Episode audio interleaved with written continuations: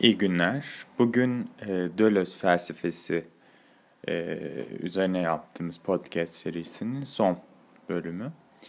E, bu bölümde Deleuze felsefesinin e, toplumsal, aslında daha çok yeni e, toplumsal hareketlere e, verdiği, kazandırdığı ivmeden bahsedeceğiz. E, yani biraz daha uygulamalı felsefe alanlarına gireceğiz. E, Deleuze'ün felsefi e, düşüncesinin gerisinde e, kodlayan, sabitleyen ve denetim altına alan sistemlere karşı bir e, arayış vardı. Yani kapitalizmin küresel bir biçim kazanması, transnasyonel sermayenin dünya üzerinde mobil hale gelmesi ve çok uluslu şirketler ve küresel iktidara karşı siyasette yeni bir çıkış yolu e, arayışını gerektirmiştir. E, yani çok uluslu bir e, sermaye var ve bunun e, akışı aslında saniyeler içerisinde e, milyon dolarlar farklı e, bankalar yoluyla farklı e, hesaplara yattığını görüyoruz ve bu tabii ki e, mobilize olmuş bir e, dünyanın e, ortaya çıkışı e, diyebiliriz. E, ve Deleuze felsefesi bu yeni duruma yönelik bir politika yani bir tutum.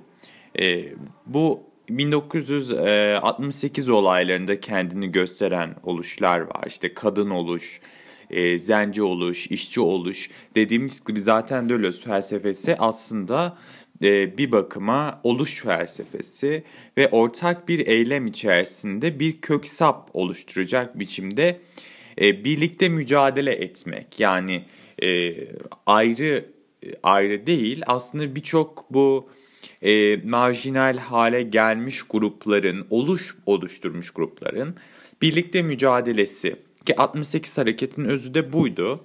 Ki bunu e, biraz daha güncel olması adına gezi olaylarında görüyoruz en fazla. E, yani farklı bir takım grupların birlikte mücadele vermesi bir köksap biçiminde ve 1970 sonrası enformasyon teknolojilerine dayalı postfordist üretim biçiminin egemen olduğu transnasyonel sermaye ağlarına dayalı yeni sosyoekonomik ve politik durumu e, sosyal bilimciler e, farklı kavramlarla analiz etmeye başladı. İşte Castells'in enformasyona dayalı bu yeni toplum biçimine ağ toplumu adını vermesi e, ki bu çok önemlidir tabii ve Castells'e göre enformasyon teknolojileri küresel çapta bütünleşik bir piyasa düzeni oluşturdu ve kapitalizm bilgi ağları sayesinde daha esnek bir biçim kazandı. Yani aslında bir e, şeyin tek elinde olmaktansa bir e, formasyonun aslında daha akışkan e, bir piyasa var. E, ve aslında sadece piyasa değil sosyal düzen de bunun üzerine kurulduğu için bu birçok sorunu da beraberinde getirdi. Şirketler arasında yeni bir işbirliği olanakları ortaya çıktı ve çalışma ilişkileri ve iş saatleri daha esnek hale geldi. E, teknoloji altyapının eşlik ettiği bu yeni toplum düzeni klasik işçi işveren ilişkilerini de dönüştürdü e, artık ve iş hayatı üzerinde beyaz yakalıların etkisi arttı. Aynı zamanda klasik işçi hareketleri de e, Döloz'e göre tabii anlamsızlaşmıştı. Yani temsil ilişkisi tabii önemli bir e, faktör. Sendikal hareketler eski gücünü yitiriyor çünkü işçilerin temsil edildiği yerler emek performans itibariyle e, bütünlüğünü yitirmiş, örgütlenmesi itibariyle parçalanmış, varoluşu itibariyle çeşitlilik gösterir hale gelmiştir. Yani kolektif eylem itibariyle bölünmüştür diyor. Sermaye sahibi, üretici, emekçi, aracı giderek belirsizleşmektedir sermaye ve emek gittikçe dönüşüme uğramaktadır. Yani kapitalizm aslında kendini e, bu esnek çağda yeni bir biçime sokmuştur diyor Deleuze anlayış. Bu yeni dönemde kültürel semboller de artık bilgisayar ağları, medya kanalları vasıtasıyla aktarılabilen dijital göstergelere dönüşmüştür. Bu yeni sosyoekonomik gelişmeleri yorumlayan sosyal bilimcilerden biri olan Bell, bu toplum biçimine post-endüstriyel toplum adını verdi. E, Bell sanayi öncesi, sanayi toplumu ve sanayi sonrası toplum olmak üzere insanlığın geçirdiği ekonomik e, devrimleri üç farklı kavramlarla açıklamıştır. Ona emek yoğun ve doğal koşullara bağlı sanayi öncesi toplum biçiminde sanayi toplumuna geçilmiştir ona göre. E, ve sanayi toplumu ile birlikte emeğin yerini makine gücü almaya başlamış ve üretim süreci yeniden düzenlenmiştir. Sanayi toplumu ile birlikte ise emeğin yerini makine gücü almaya başlamış, üretim süreci yeniden düzenlenmiştir. Sanayi sonrası toplumun dikkat çekici diğer özellikleri ise Bell'e göre e, birisi imalat sanayiden hizmet üretimine geçilmiştir. Yani sanayi toplumuna egemen olan sanayi üretimi e, fabrika, kas gücü yerini hizmet sektörüne dayalı entelektüel emeğe yani bu maddi olmayan emek e, buna bırakıyor ve bu yeni dönemin en önemli sermayesi ise bilgi. Sanayi öncesi dönemde toprağa bağlı rant, sanayi döneminde sermayenin sağlamış olduğu kar yerini bilgi toplumunda hizmet üretimine bırakmıştır. Bilim insanları, teknik uzmanlar, üniversite, akademi ve teknokentlerin üretim e, üzerinde etkisi artmıştır. E, fütürolog özellikle Toffler ise Bell'e benzer biçimde üretim teknolojisine 3 farklı gelişmeden söz ediyor yaşamakta olduğumuz döneme üçüncü dalga adını veriyor. Yani ona göre insanlık yeni bir devrimle karşı karşıya. Birinci dalga tarım devrimiyle oldu. İkinci dalga sanayi devrimiyle oldu. Üçüncü dalga ise bilgi devrimiyle oldu. Üçüncü dalga ile birlikte sadece üretimin yapısında değil, toplumsal ve siyasal yapılarda da önemli değişiklikler olmuş. Yani bu devrimler dediğimiz şeyler tarım devrimi, sanayi devrimi ya da işte e, kabul edilen bilgi devrimi sadece ekonomik bir yapıdaki değişimi değil, bununla birlikte e, toplumsal ve siyasal yapıda olan bir değişimden bahsediyor. E, Hard ve Negri ise 1970 sonrası belirgin bir değişme gösteren enformasyon teknolojilerine dayalı yeni dönemi uluslararası ilişkiler ve siyaset bağlamında analiz etti. Hard ve Negri'ye e, göre bu yeni küresel düzenin adı imparatorluktur. İmparatorluk yer küre üzerinde bir dışarısı olmayan esnek komuta ağları sayesinde işleyen yeni bir siyasal yapıdır. Bu e, bildiğimiz klasik anlamda bir imparatorluktan bahsetmiyor. Ama tabii yapı itibariyle benzer özellikleri var bu ismi seçilmesinde. Egemenliğin ulus devletlerden yeni küresel şirketlere geçmiş olması ulus devletleri tamamen ortadan kaldırmamış fakat etkisizleştirmiştir. Yeni ortaya çıkan esnek yapılar kapitalizm ve iktidarların geniş bilgi ağları sayesinde etkileşime geçerek daha geniş bir alanda hükmetmesini sağlamıştır. Tabi burada çokluk kavramını da ele alıyorlar Hard ve Negri. E, bunun ne halk, ne kitle, ne de sınıfa karşılık geldiğini belirtiyor bu çokluk kavramını. Onlara göre çokluk tekliğe indirgenemez. Çokluk tüm tekil farkların çoğulluğudur. Bu çokluk kavramı Döloz'un önermiş olduğu birbirine köksap olabilecek şekilde bağlanan yaratıcı bir çokluk. Küresel ölçekte yaygınlık kazanan fakat ötekinin varoluşunu kendi varoluşu gibi önemseyen bütünleşmemiş çokluklardır. Deleuze'ün felsefi düşüncelerinden yola çıkarak bu bahsettiğimiz imparatorluk, ağ toplumu, sanayi sonrası toplum veya üçüncü dalga gibi farklı isimlerle anılan yeni sosyo, siyasal, tekno, dijital düzende yeni toplumsal hareketler için nasıl bir çıkış yolu aranabilir? Böyle bir soru aklımıza gelebilir. E, Deleuze'ün düşünsel çerçevesi e, bir ölçüde bunun tabii ki serimlemesi. Deleuze'ün bu yeni dönemde klasik sınıf, öğrenci, kadın ve diğer hareketlerin kolayca manipüle edilebildiğini sistem tarafından kodlanarak hayatiyetini yitirdiğini düşünmektedir. Yani onun için çözüm tekillikler üzerinden yeni kaçış çizgileri ortaya çıkarmak, kültürden, cinsiyetten sıyrılmak, organsız bir beden olmaktır. Küre ölçeğinde yani dünya ölçeğinde yersiz yurtsuzlaşmaktır. Bu dönemin temel özelliği majörün yerini minörün, sosyolojinin yerini sosyalliklerini almış olmasıdır.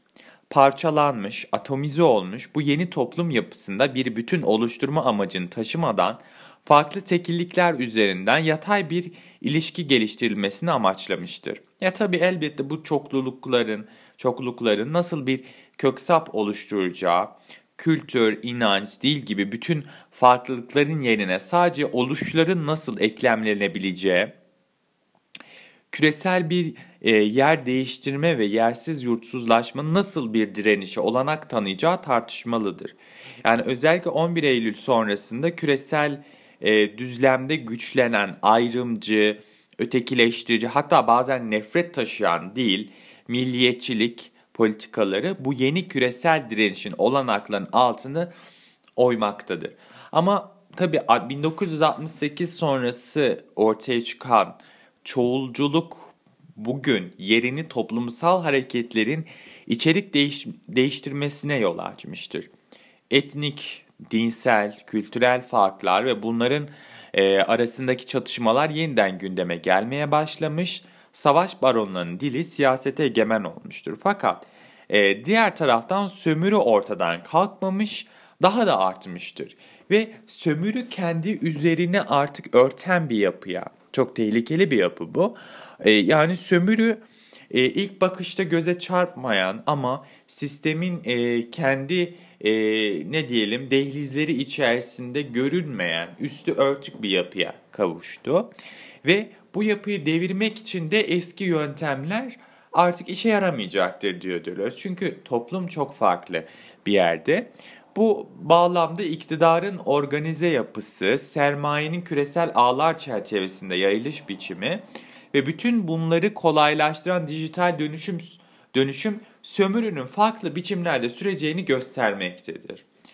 E, Döloz'un önermiş olduğu kavramların küresel toplumsal hareketler için ilham verici olduğu tabii açık bir şey. Nitekim Hart ve Negri gibi isimler bunun arayışı içindediler. Yani biraz daha Dölozcu bakıyorlar.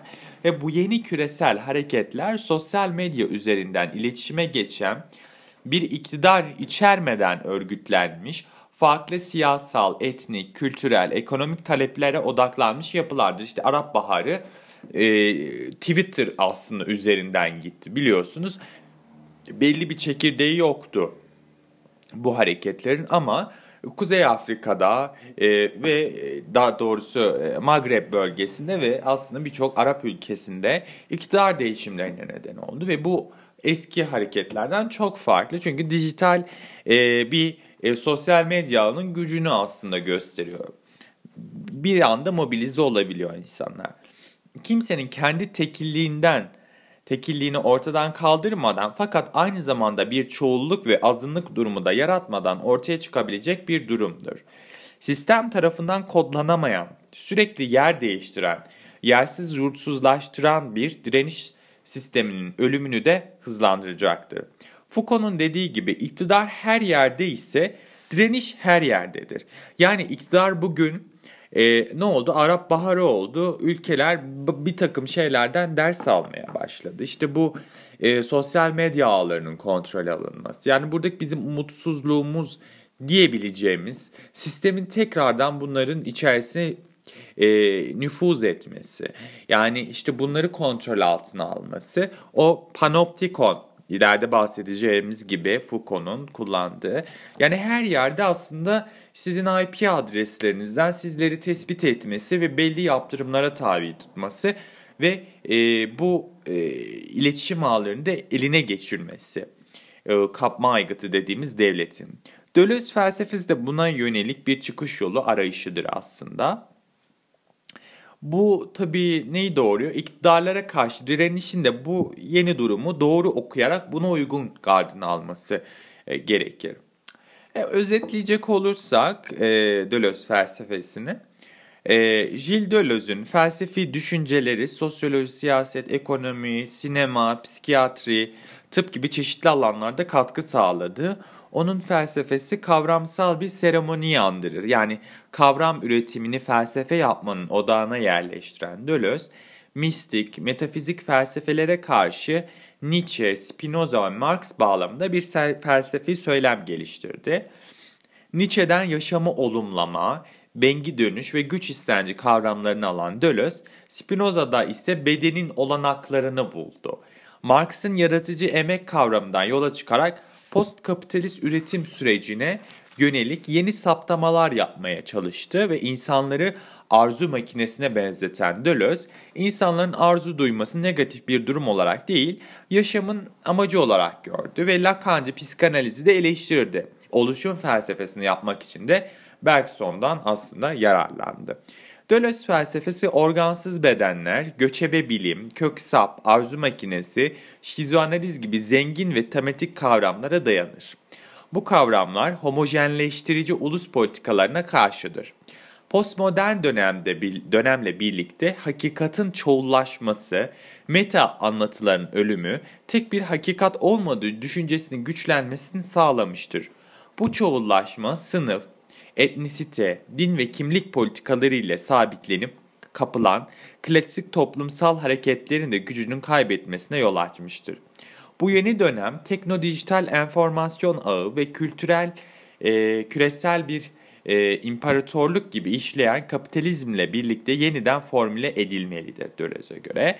Deleuze'ün önerisi bu noktada farklı tekilliklerin bir köksap oluşturacak biçimde birbirine eklemlenmesidir.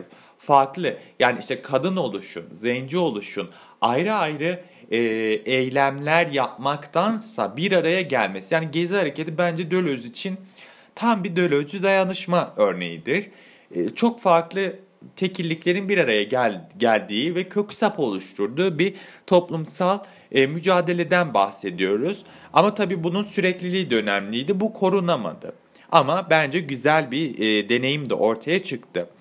E, çoğunluk ve azınlık kavramları yerine sadece oluşların konulduğu, önceki deneyimlerin yeni deneyimler içerisinde hakikat e, bulduğu, hayatiyet bulduğu bu yeni durum yersiz yurtsuz bir harekettir.